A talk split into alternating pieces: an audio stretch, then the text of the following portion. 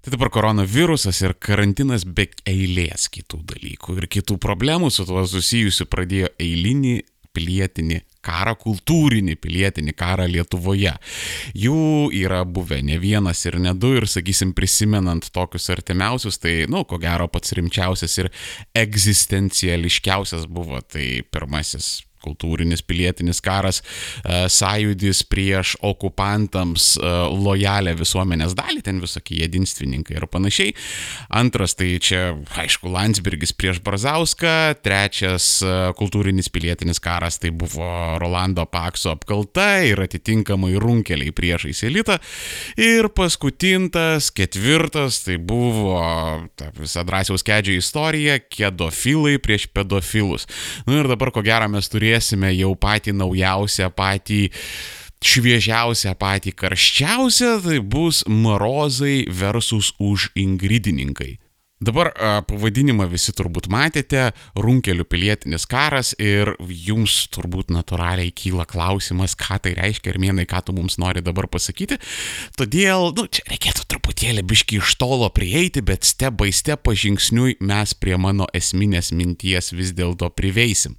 Tai va, žodžiu, stebiu tokį labai įdomų reikalą. E, visokie runkeliai, ten marozai, deklasuotas elementas, kaip tai pavadinsi, jie tiesiog tiesiog nesupranta situacijos rimtumo, toliau ten neršia gatvėmis, trainiojasi po parduotuvės, e, nueina nusiperka ten pakūti kabanotskių ar ten vieną šaldytą pizzą ir nepatenkinti ten pradeda siautėti, jeigu jos bando karantinuoti, kažkas ten bando jų judesio, taip sakant, laisvę apriboti, tai jie ten pabėga, tai kažką peiliu paštyrina. Nu, žodžiu, čia su jais kaip ir viskas yra labai aišku. Bet e, ir šitą dalyką yra gerokai sunkiau užfiksuoti. Kas dar problemų kelia pakankamai aiškių ir rimtų problemų su giliai ir toli siekiančiomis implikacijomis, kurios galbūt net ir yra pavojingesnės negu ta visa visuotinė morozo būdulių ir runkelių savivalė. Tai yra kitoje uh, svarstyklių pusėje stovi tie amžinai kūkčiojantis intelektualai. Dažnu atveju tai yra tie patys užingridininkai ir save jie aišku išdidžiai yra paskyrę tautos elitų beigi žiedų, kurie pastoviai kažką tai ten inkščia apie demokratiją, apie žmogaus teisės, ten Sauženicinas, gulagai, taip toliau ir panašiai. Nes ta sistema, kuri turi pasirūpinti visais žmonėmis, jinai objektyviai neturi a, ne jokios patirties, jokių žinių, jokių įgūdžių, jokios kvalifikacijos, nes taip galbūt kažkada buvo pravestas instruktažas, ką daryti pandemijos atveju ten tarnybomis. Tas instruktažas greičiausiai buvo ten, nežinau, kokiam, kokiam nors renginėlyje, prasuko slaidus, galbūt pasidarė kokį nors dokumentėlį, galbūt suformavo kažkokią komitetą, bet niekas negalvoja, kad taip kažkas kažkada bus, kad taip gali būti rimta ir niekas rimtai tam nesiuošia. Galų gale pas mus tokių dalykų nebuvo ir mes neturime tos patirties. Aš nepavargsiu prie šitą epizodą to kartoti. Tai vienu žodžiu, šita sistema be įgūdžių, be patirties, be kvalifikacijos, be normalaus finansavimo jinai šiek tiek vietomis sufeilina, kažko nesureguliuoja, nespėja kažko sukoordinuoti, ten kažko laiku atvežti, privežti, kažkas galbūt be pusrytukų lieka, kažkas galbūt be vaistų lieka, bet, nu, realiai tie intelektualai kūkčioja dėl to, kad suprantate, juos vat, patalpina biškutį ne į tokius kambariukus ir fuagrasų profiteroliais atnet neša, matote, ką jie šitaip savo gali leisti, va. Ir dabar aš norėčiau pastebėti, kad abu šitie atvejai, abu šitie atvejai yra vienos tos pačios šlikščios monetos pusės. Tai yra, jie yra tos tokios uh, paliegusios savo darbo jau seniai nebeatliekančios išsilavinimo sistemos vaisiai. Nu, su runkeliais viskas yra maksimaliai tiesiog aišku.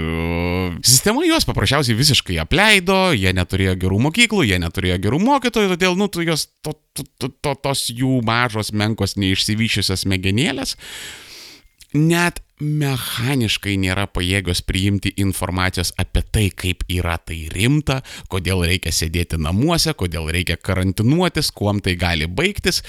Ir principė, nu, šitie yra didesnė dalim nemokintini ir realiai tik tai uh, gausiai gatvėmis patruliuojantis ir liberaliai administracinės baudas dalinantis policininkai, nu, galbūt įvestų čiūčiut kažkokios tvarkos, nes, nu, va šitie tai kažkaip supranta tik tai uh, pagalį, bananą, migalkės ir tik tai tokius dalykus kažkaip gražiuoju nelabai eina su išnekėti.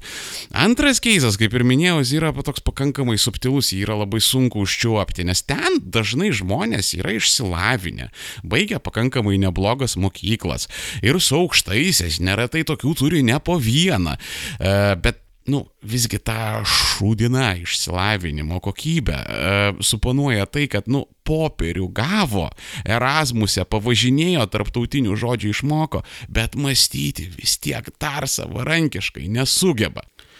Tai va, koronaviruso pandemijos akivaizdoje mes matom dvi visuomeninės grupės, kurios visiškai nesupranta situacijos rimtumo, bet kaip ir sakiau, iš esmės tos pačios monetos ar medalio pusės ir, nu, forma skiriasi, bet turinys yra tas pats. Vieni be apsaugos, be kaukių eina į maksimą nusipirkti ten, nežinau, pakutį čipsų, e, kiti veliasi į kažkokius PR žaidimus ir nusofkutės komentuoja, kaip verygai, ką reikėtų daryti, kaip daryti, kaip elgtis, kaip nesielgti. Bet esminis daiktas šitoje šalyje nei vieno žmogaus turinčio realią kompetenciją ir kvalifikaciją kažką apie šitai komentuoti nėra. Dar kartą, nėra niekur tos institucinės patirties net vakarų Europoje ir Šiaurės Amerikoje, kur doreliais sienas tapetuoja ir skystų auksų gatves plauna, net tenais to nėra. Dėl tos patirties nebuvimo, tarkim, daugybė medikų yra užsikrėtę koroną tiesiog per labai paprastą dalyką. Paprasčiausiai jie neteisingai nusiminėjo kaukės, pirštinės ir kombinezonus. Vien tik tai dėl to. Nu, ne vien tik tai dėl to, bet labai labai daug atvejų yra dėl, dėl, dėl būtent šitų priežasčių, nes vėlgi nėra patirties, nėra kvalifikacijos. Visa institucinė patirtis yra pietričių Azija. Ir dar sėki pasikartosiu, senesnėse epizoduose šitą dalyką minėjau. Jeigu a, apie situaciją Lietuvoje, apie ten kažkokius sprendimus ir koronaviruso suvaldymą Lietuvoje prašnektų, nu, nežinau, koksai rimtas Pietų Korejos sprendimų prieimėjas, tarkim, Pietų Korejos, ten, nežinau, koks sveikatos apsaugos ministras ar ten koks rimtas jo patarėjas, ne? Jeigu tai prašnektų kokie nors pasaulio sveikatos organizacijos medikai rimtai uostę parako dylinę su mersa, su cholera, su maru, su ebola, tiesiog tiesiogiai dalyvavę šituose procesuose, taip aš tada klausyčiau. Visa kita yra fucking spekulacija. Ir vėlgi turint omenyje tą visą patirtį Pietričių Azijoje, čia yra tokių, kurie norėtų rikiuotis ten į Singapūrą, į Taivanį, į Pietų Koreją, bet tai yra bulšitas, mes negalim to padaryti. Nu čia tas pats, kas aš jums pasakyčiau, kad jūs dabar turite pradėti žaisti kažę, kaip Michaelas Jordanas savo ten pačiam didžiausiam ir geriausiam jėgų pikė.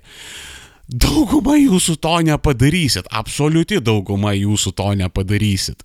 Ir šitai vietoj yra būtina suprasti, kad tikslas yra ten nebūti ten Pietų Korejoje ir panašiai. Aišku, tai būtų labai smagu, bet tikslas, tas pragmatinis, realus tikslas, prie kurio galima prisirišti, nebūti Pietų Koreja ar, ar, ar Taivaniu, o tikslas yra ne deevoliucionuoti iki Šiaurės Italijos. Šitą pasieksim, tada jau galima atsispirinėti ir siekti kažko daugiau. Ir čia aš irgi suprantu savo žodžių ironiją ir oksimoroniškumą, kad aš sakau, niekas realiai nieko nežino ir niekas realiai nieko negali mokyti, o aš tarsi kažką šneku, tarsi kažką mokau, bet šitoje vietoje aš nepraleisiu progos pasakyti, aš neturiu jokios kvalifikacijos, aš neturiu jokios kompetencijos, aš kalbu tai, kas man atrodo, bet aš stengiuosi niekieno nieko neversti ir aš stengiuosi pažymėti, kad tai yra mano asmeninė kažkuom tai paremta nuomonė, ar tai yra gera nuomonė, ar tai yra bloga nuomonė, parodys tik tai laikas. Manęs nebūtina klausyti, nes aš esu tik tai vienas debilas internete su mikrofonu. Nu tai vieno žodžio. Grįžtam prie esmės. Mes turim dvi tarpusavyje besipešančias grupės, tai ten kažkokie marozai ir elitas, ar tai runkeliai ir elitas, aš nežinau, gal bus dabar kažkokie naujesni pavadinimai. E, vienu žodžiu, jos e, visų pirma pusę laiko praleidžia tarpusavyje peždamasis, o kitą pusę laiko per pečius apsikabinę šokinėja viešam Lietuvos interesui ant veido. Ir e, čia buvo labai įdomu stebėti, kai realiai šiandieną, tai čia buvo kovo 25 diena, mūsų sveikatos apsaugos ministras Aurelijus Veryga išstojo ir pasakė tokią mintį, nu gerai, nepasakė iš lapuko, paskaitė. Ir, nu, okei, okay, gali būti, kad net e, to dalyko jisai nesugalvojo, jam kažkas tai užrašė, bet vėlgi svarbu, kad tai buvo išsakyta ir paleista į eterį. Nesigilinkim, kaip tai buvo kokybiškai ar nekokybiškai padaryta. Vienu žodžiu, paskaitė iš lapuko tokį dalyką kad Hebra, davai pabandom susitarti. Jeigu jūs norit laisvės ir demokratijos, puiku, imkite, bet turėkit omenyje tokį dalyką, kad Šiaurės Italijoje medikai turi taikyti vos ne karo laikų triažą ir jie jau nebeventiliuoja vyresnių pacientų, kad išgelbėtų jaunesnius. Ir čia neina kalba ten apie kokius, nežinau, giliai pagyvenusius 80-mečius, 90-mečius senukus, o dabar jau pradeda neventiliuoti ir 60-mečių, ir 50-mečių, ir daug kas jų yra paliekami numirti, vieni kažkur užkarantinuoti, be personalo, be artimųjų ir, žodžiu, tai yra baisu. Hebra, norit taip pat perkrautų krematoriumų kaip Italija. Welcome! Pilmin! Toliau nesilaikykit karantino ir užkit apie žmogaus teisės. Dabar jeigu jūs nesate pastovus uh, Armėno radio klausytojai ir nelabai žinote mano tokių pagrindinių esminių filosofinių pozicijų, arba jūs šiaip tiesiog esate debilas ir neturite jokios atminties, tai aš bandau paaiškinti, kad aš esu visada už laisvę ir demokratiją. Mano ideali Lietuva yra tokia, kada juodaodis ir musulmonas abu gimę, augę Lietuvoje, kalbantis lietuviškai, save identifikuojantis kaip lietuvius, gyvena teisėtoje vienalytėje partnerystėje, augina hektarus legalios žolės, kurią legaliai vardoja ir pardavinėja. Tuo pat metu tie legaliai susituokę partnerystėje gyvenantis a, lietuviai, e, juododžiai ir musulmonai supoja savo teisėtai įvaikintus vaikus, o savo turtą gina legaliais 3D atspausdintais AR-15 šturmo karabinais. Vat tai yra mano idealiausia Lietuva. Dabar e, jūs turbūt pastebėjote, kad su karbauskininkų ir verygininkų vizija taip jaunasi radikaliai. Ir seniai klausytojai jo labiau žino, kad nei aš mėgstu karbauskininkus, aš apskritai, aš valstiečių nekenčiu, aš dažnai juos vadinu nacijais, diktatoriais ir kažkokiu simpatizavimu verygai arba karbauskiui arba skverneliui arba valstiečiams manęs jūs tikrai neapkaltinsit.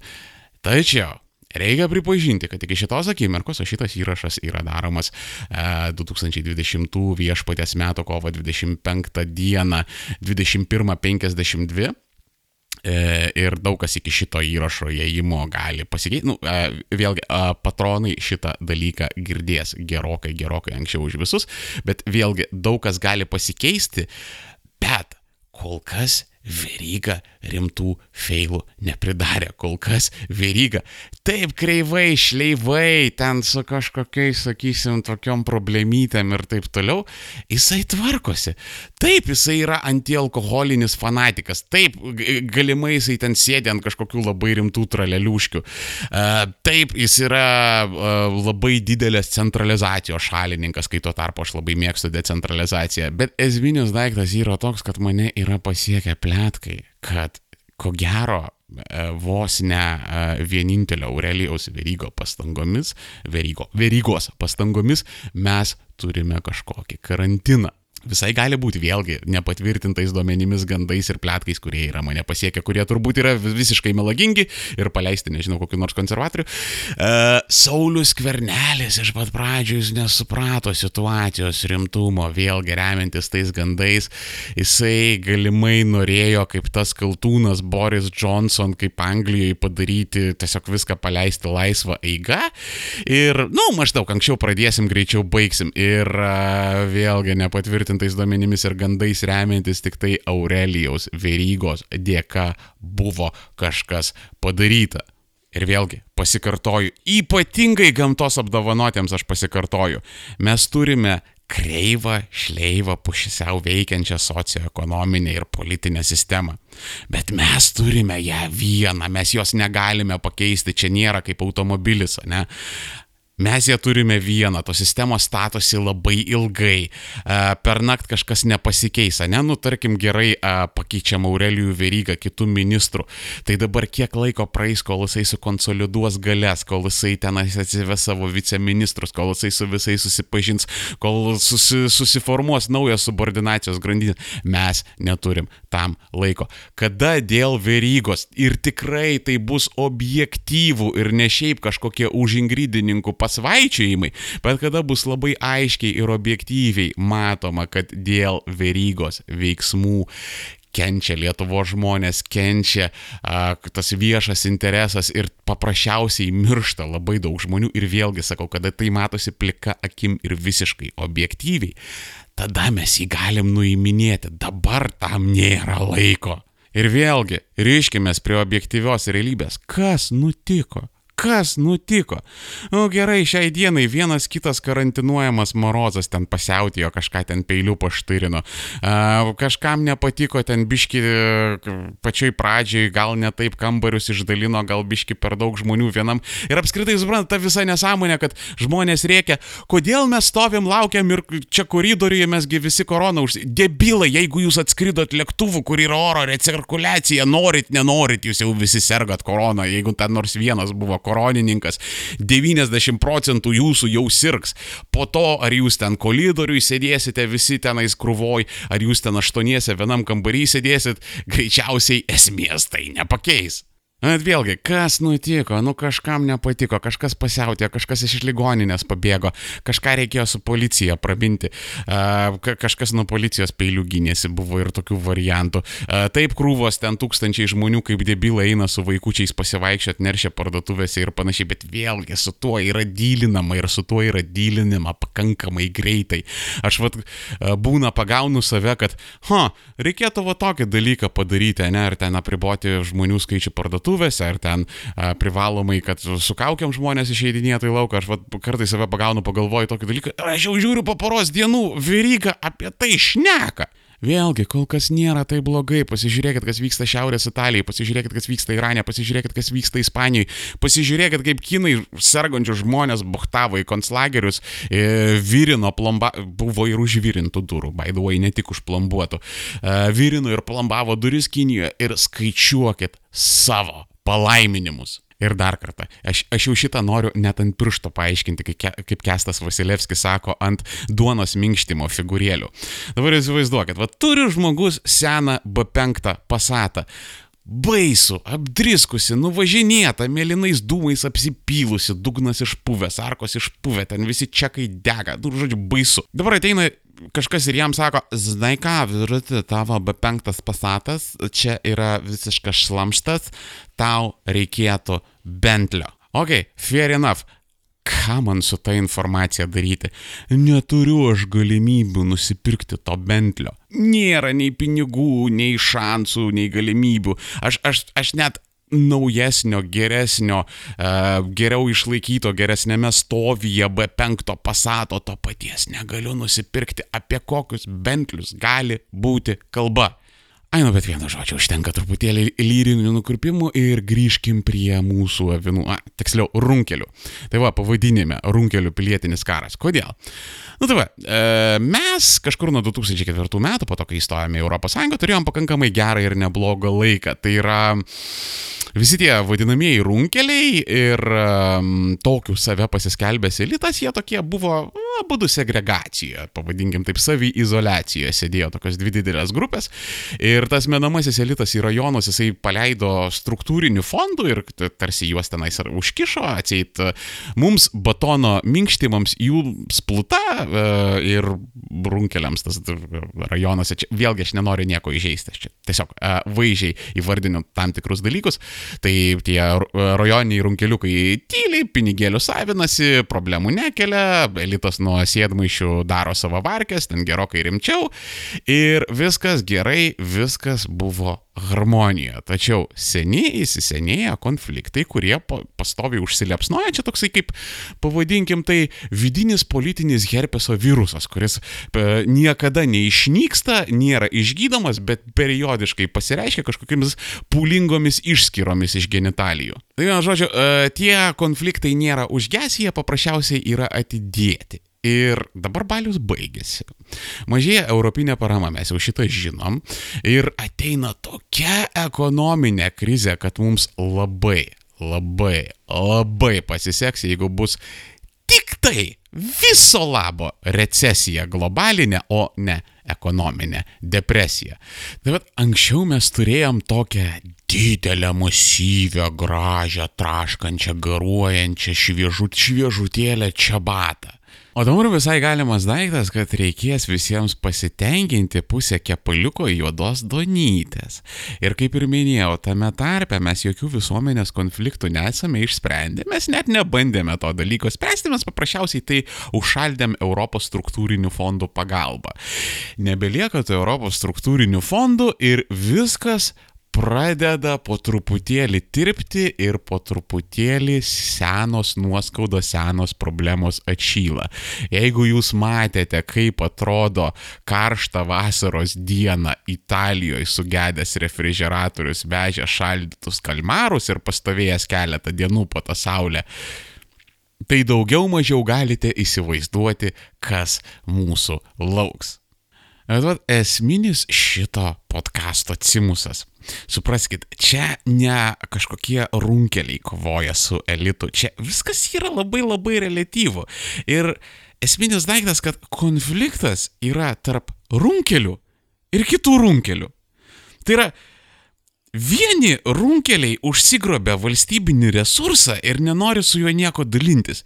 Kiti runkeliai tą resursą nori atgrobti, kad patys jį turėtų ir su nieko nesidalintų. Ir tie vat antrieji, kurie save yra pasivadinę ten to, sakysime, elitų ir tautos žiedų ir panašiai, tai yra glamūriniai runkeliai. Tačiau niekas jų neprepažįsta, nors jų yra pilna aplinkui, ypatingai Vilniui visur ten vaikšto ant sėdmaišių sėdi. Bet savo esybę sakau, tai yra glamūriniai runkeliai. Taip, jie a, kvepiantys, taip, jie apsirengę madingais drabužiais ir panašiai, bet vėlgi, čia yra forma turinys visiškai tas pats.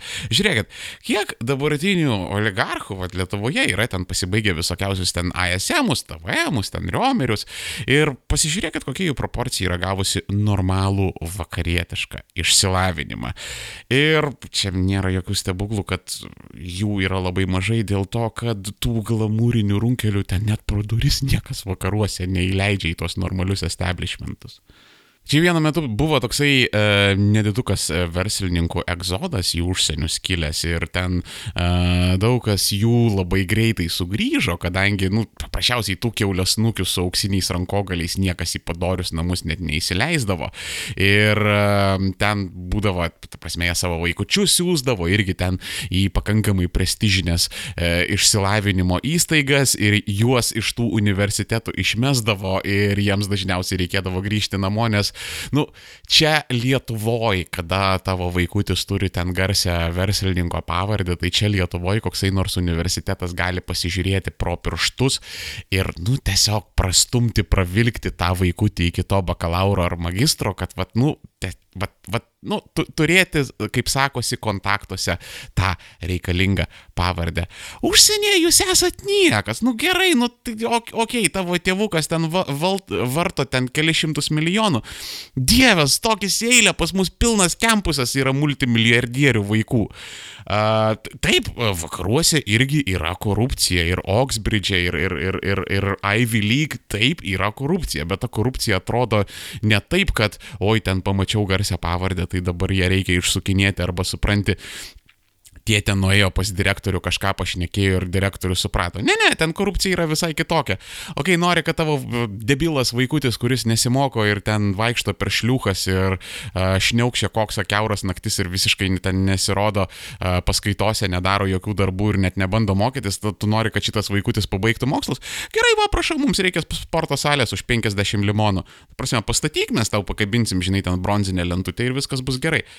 Ir dėl tos pačios labai banalios priežasties, uh, tik labai, labai nedaug Lietuvos verslininkų ir oligarchų yra prigiję užsienio. Nu, tarkim, vat, numavai, nu, tiesa, dabar jisai numa vadinasi. Uh, aš vis tiek iš įpročio vadinsiu numavičius ir sakysiu Gruzija. Nieko nežinau, karo čia, kol nepradėsit Armenijos Hajastano vadinti, tol aš Sakartvelą nevartosiu. Tai, žodžiu, uh, numavičius, ne? E, nu, visai, visais atvejais yra pakankamai išsilavinęs žmogus, pakankamai sofistikuotas, eruditas, e, su moraliniais dalykais čia galima būtų tenais klaustukų pakelti, bet e, būdamas, e, kaip sakant, geras materialas, jisai labai puikiai integravosi į tą visuomenę. Ir turbūt jums klausimų nelabai kyla, kodėl e, daugiau mažiau Matijo Šaitis ir visi jo vaikai yra likę Lietuvoje. O papa, žiūriu vėl aš užtempiau reikalus į naktį. Vienu žodžiu, davai per smarkiai nebedituojam šitose vietose, tai tiesiog paskutinės remarkos. Asiloje aišku, kad ko gero laukia mūsų pakankamai nelengvi laikai. Visokie ekonominiai susipurtimai, geopolitiniai poslinkiai ir dar, kaip ir sakiau, ko gero mes turėsim gana tokį didelį ir masyvų uh, kultūrinį pilietinį karą. Well done. Čia dar beje žiniasklaida labai puikiai prie šito dalyko prisidėjo. Ir Labiausiai man tai gaila mano gentainių, tai yra žmonių, kurie kažkaip bando išsaugoti kažkaip tą sveiką protą, bando neįsivelti į tos partizaninius šūdus, bando kažkaip prisivrišti prie tos objektyvesnės realybės. Ir mes nei vienai, nei kitai pusiai nesimpatizuojam, bet nuo abiejų gaunam lasdų ir dabar sėdim tokie mes nykstantis mažuma ir žiūrim, kaip mus tykiai ramiai spaudžia kaip spuoga, kur irgi well done Lietuvos visuomenė. Ateityje tikrai jūs to nepasigailėsit. Aina, bet vienu žodžiu, keturias visuotinės batalijas, mūšius, karus mes jau turėjom ir jeigu nepasimokai po ketvirto karto, nepasimokysi ir po penkto. Sveiki atvykę į naująjį drąsųjį pasaulį. Maloniai prašom. Ir dabar jau tikrai viskas. Ačiū Hebrytė už jūsų dėmesį.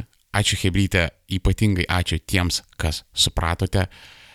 Sakau, nelengvi laikai, nepamirškite esminių dalykų. Būkite saugus, karantinuokitės, nevaikščiokit, nekontaktuokit su kitais žmonėm, stenkitės kaip įmanoma ilgiau užbūti namuose, klausykitės valdžios nurodymų, stenkitės jiems paklusti, nedarykite kvailyšių, būkite sveiki, būkite saugus ir jeigu dar rasite laiko, dosnumo, gerumo nueiti nuorodomis apačioje ir rasti nuorodą į Patreoną ir man įmesti dolerį 2, 5, kiek negaila, būsiu jums labai labai dėkingas ir jūs būsite patys geriausi, patys fainiausi žmonės šitoje visatoje. Dar sėki, ačiū uždėmesi, ačiū už kantrybę, dar labiau ačiū už paramą. Sėkmės visiems.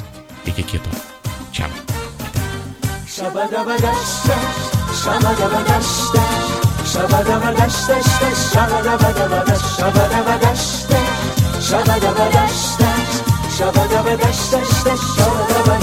Zirrakçık ilçes lalis